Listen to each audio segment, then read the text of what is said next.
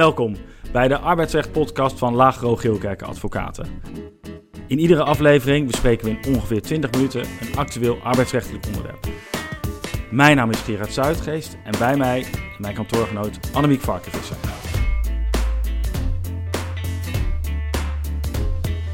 Annemiek, waar gaan we het deze keer over hebben? We gaan het vandaag hebben over hashtag MeToo, oftewel seksueel grensoverschrijdend gedrag op de werkvloer. En dan kijken we naar twee vragen. Eén, hoe kijkt de rechter tegen MeToo aan? En twee, kun je je organisatie MeToo-proof maken? Ja, een uh, podcast over MeToo. Dat leek ons uh, leuk, maar ook gelet op de misstanden bij The Voice en Ajax actueel. Ja.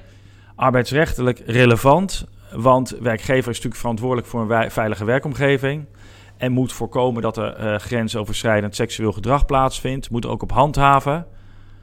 In organisaties denk ik ook wel een lastig thema. Uh, komt zo uh, denk ik uitgebreid aan bod. eerst de recap. Heb je nog wat? Ja, ik denk het meest in het oog springend is de behandeling van de wetsvoorstellen 2G en de uitbreiding van het corona-toegangsbewijs op de werkvloer. Mm -hmm.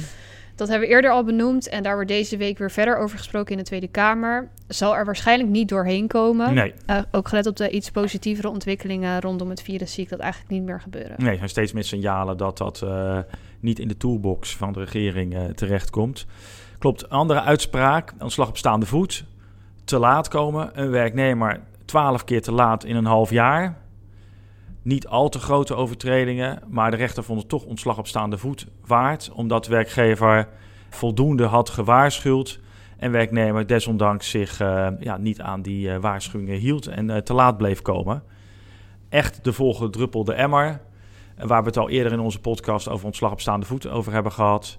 Als je het als werkgever goed vastlegt, dan kan ook een relatief kleine druppel tot, tot overstroming van de emmer leiden en dus tot een terecht ontslag op staande voet. Ja. Uh, dan vandaag over MeToo op de ja, werkvloer. Ja. Uh, we spreken in blok 1 de achtergrond en wat rechtspraak. Uh, en in blok 2 gaan we dan in op de vraag hoe kun je je organisatie MeToo-proof maken. Yep.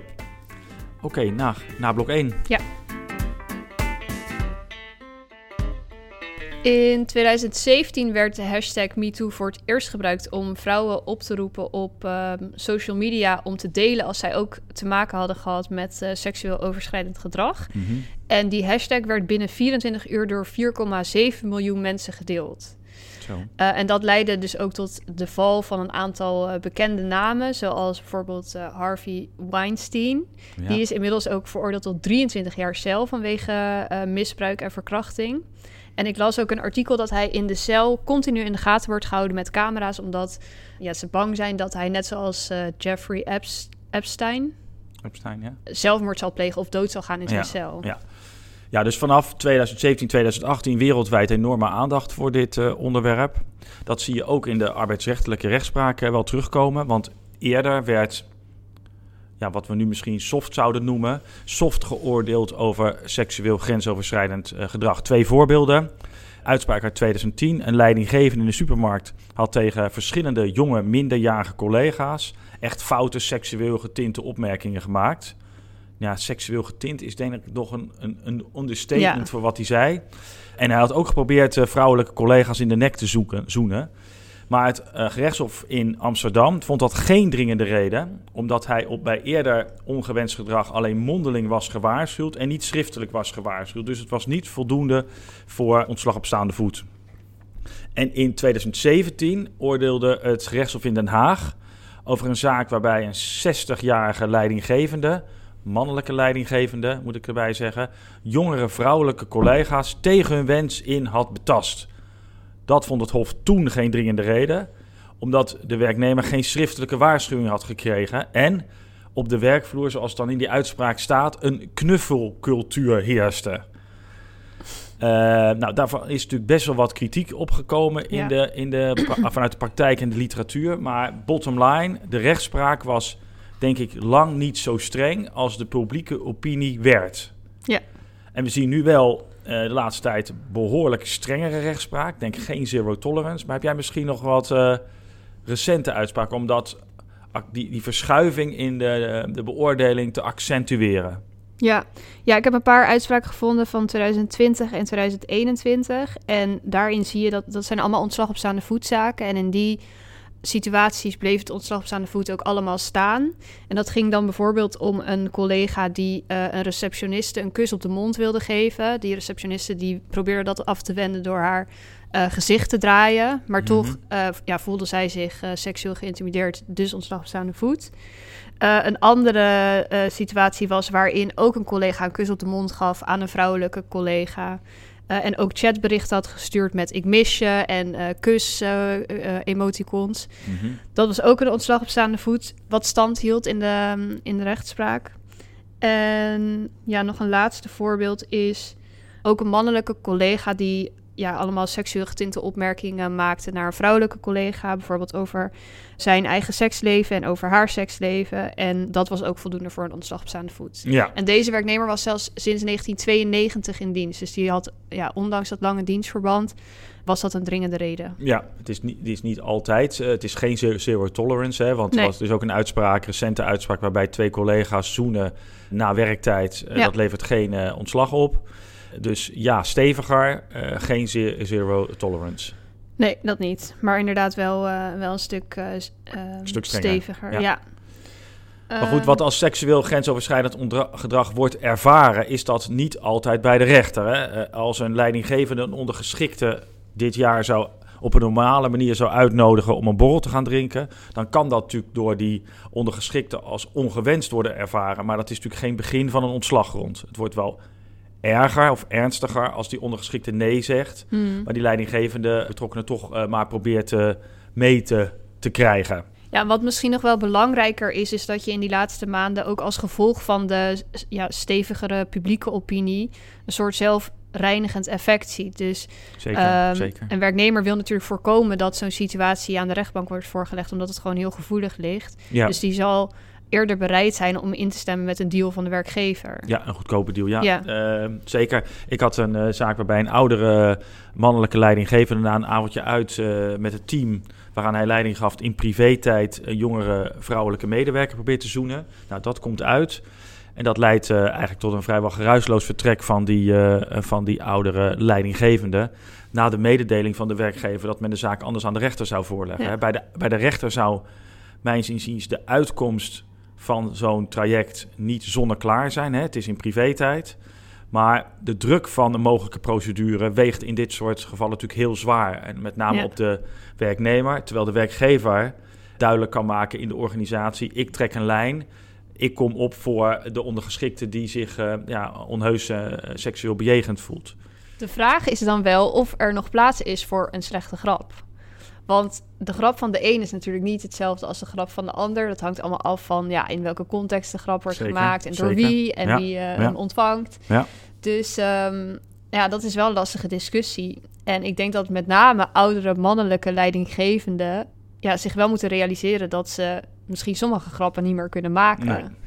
Uh, en je hoeft, ja, je hoeft geen helderziende te zijn om te begrijpen dat ja, door The Voice en Ajax en al die verhalen, dat, uh, dat dit ja, bij meerdere organisaties gaat gebeuren. En dus misschien ook wel meer um, koppen zullen gaan rollen. Daardoor. Zeker, zeker. Het is wel, denk ik, terugkijkend in de achter, naar de achterliggende jaren, wel een forse verschuiving. Want ik heb nog meegemaakt dat, dat secretaresses gewoon een verhouding konden hebben met een advocaat. Daar zijn ook huwelijken uit ontstaan. Ja. En dat valt nu, zeker als die relatie uitgaat, natuurlijk heel snel onder MeToo en kan de advocaat ook gewoon de kop kosten. Ja, dus dat betekent dat misschien wel huwelijken hierdoor worden gemist. Ja, misschien wel, ja. ja. Maar laten wij naar blok 2 gaan. Ja. Uh, kan, je als, kan je organisatie MeToo-proof maken? Ja, we kijken natuurlijk als juristen eerst maar eens weer eens even in de wet. Want volgens de arbeidsomstandighedenwet is de werkgever verantwoordelijk voor een veilige werkplek. En je zou dan ook als werkgever aanspraak kunnen worden gesteld voor schade die een werknemer leidt als gevolg van MeToo op de werkvloer. En John de Mol was verantwoordelijk voor een veilige werkomgeving voor de medewerkers, maar ook de deelnemers van The Voice. Hij heeft trouwens best wel veel kritiek gekregen op zijn uh, reactie op tv, mm. op die misstanden. Had hij arbeidsrechtelijk nog dingen beter kunnen doen, denk je? Ja, het begint allemaal met het creëren van een omgeving waarin werknemers zich veilig voelen. Um, veilig om te praten, om dingen die niet goed gaan aan te kaarten. Nou, dat soort dingen, daar begint het mee. En in dat kader is het goed om een vertrouwenspersoon aan te wijzen waarmee werknemers als dat nodig is, vertrouwelijk kunnen praten over Ja. dingen die niet Ja, goed gaan. Zeker. Het gaat natuurlijk wel veel Eh, verder dan alleen maar het aanstellen van een vertrouwenspersoon. Dat is eigenlijk inmiddels een hygiënezaak. Daar valt niet meer aan te ontkomen. Ja. En op zich had, was dat ook John de Mol zijn weerwoord volgens mij dat, eh, dat ze dat hadden. Maar het moet ook wel een situatie zijn waarin die vertrouwenspersoon iets kan doen met misstanden die worden aangekaart. Dus Mhm. er moet een mogelijkheid zijn om dan eh, te kunnen overleggen met bestuur of met management.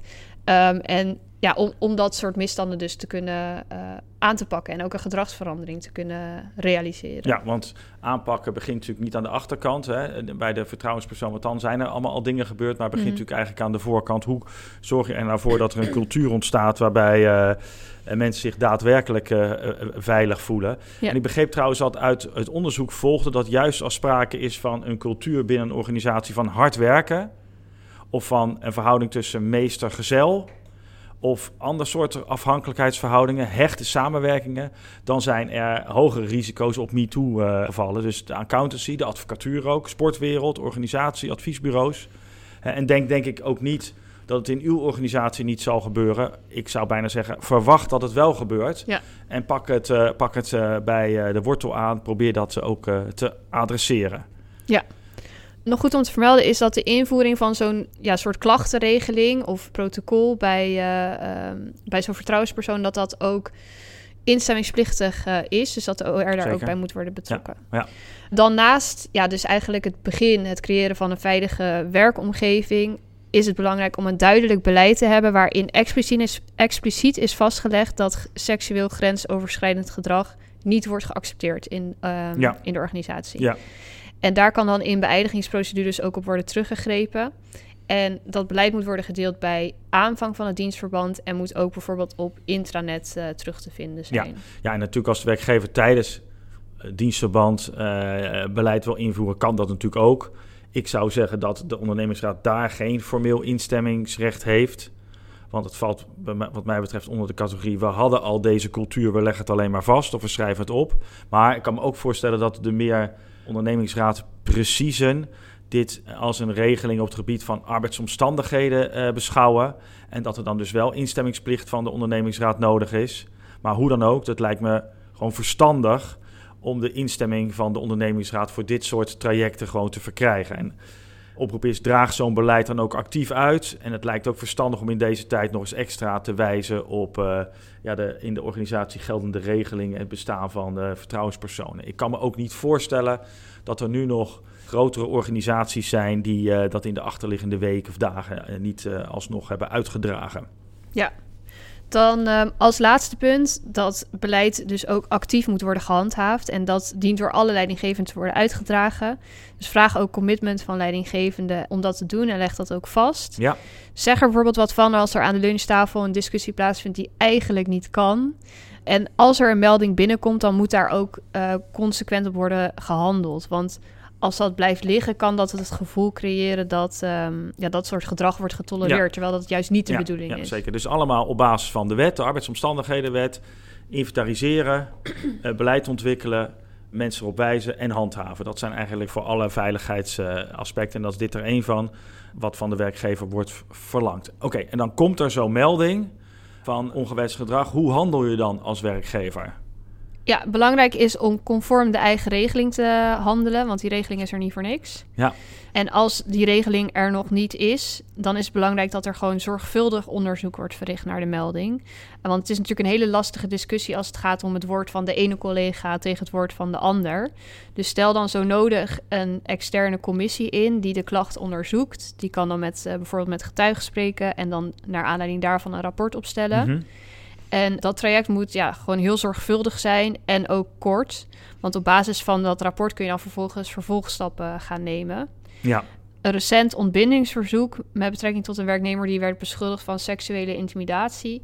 ketste af op het feit dat de werkgever niet aan de zorgplicht en ook niet aan de onderzoeksplicht had voldaan. En dat leidde er dus toe dat er geen ontbinding van de arbeidsovereenkomst ehm, Ja, plaatsvindt. En afhankelijk van de omstandigheden natuurlijk ook vrijstellen van werkzaamheden. En wij adviseren in onze praktijk eigenlijk altijd vrijstelling van werkzaamheden als de inschatting is dat als de beschuldigingen correct zijn, dat dat dan moet leiden tot beëindiging van het dienstverband. Eh, dus onafhankelijk onderzoek, nadenken over vrijstelling van werkzaamheden. Voor dat onafhankelijk onderzoek zijn er trouwens eh, externe bureaus eh, die dat, eh, die dat kunnen oppakken. En dan ook daadwerkelijk doorpakken in een beëindiging of een ontbindingstraject. Want daarmee geef je natuurlijk ook een, duidelijke, een duidelijk signaal af naar de eigen organisatie. Ja, is er dan nog eigenlijk ruimte voor, voor een tegengeluid?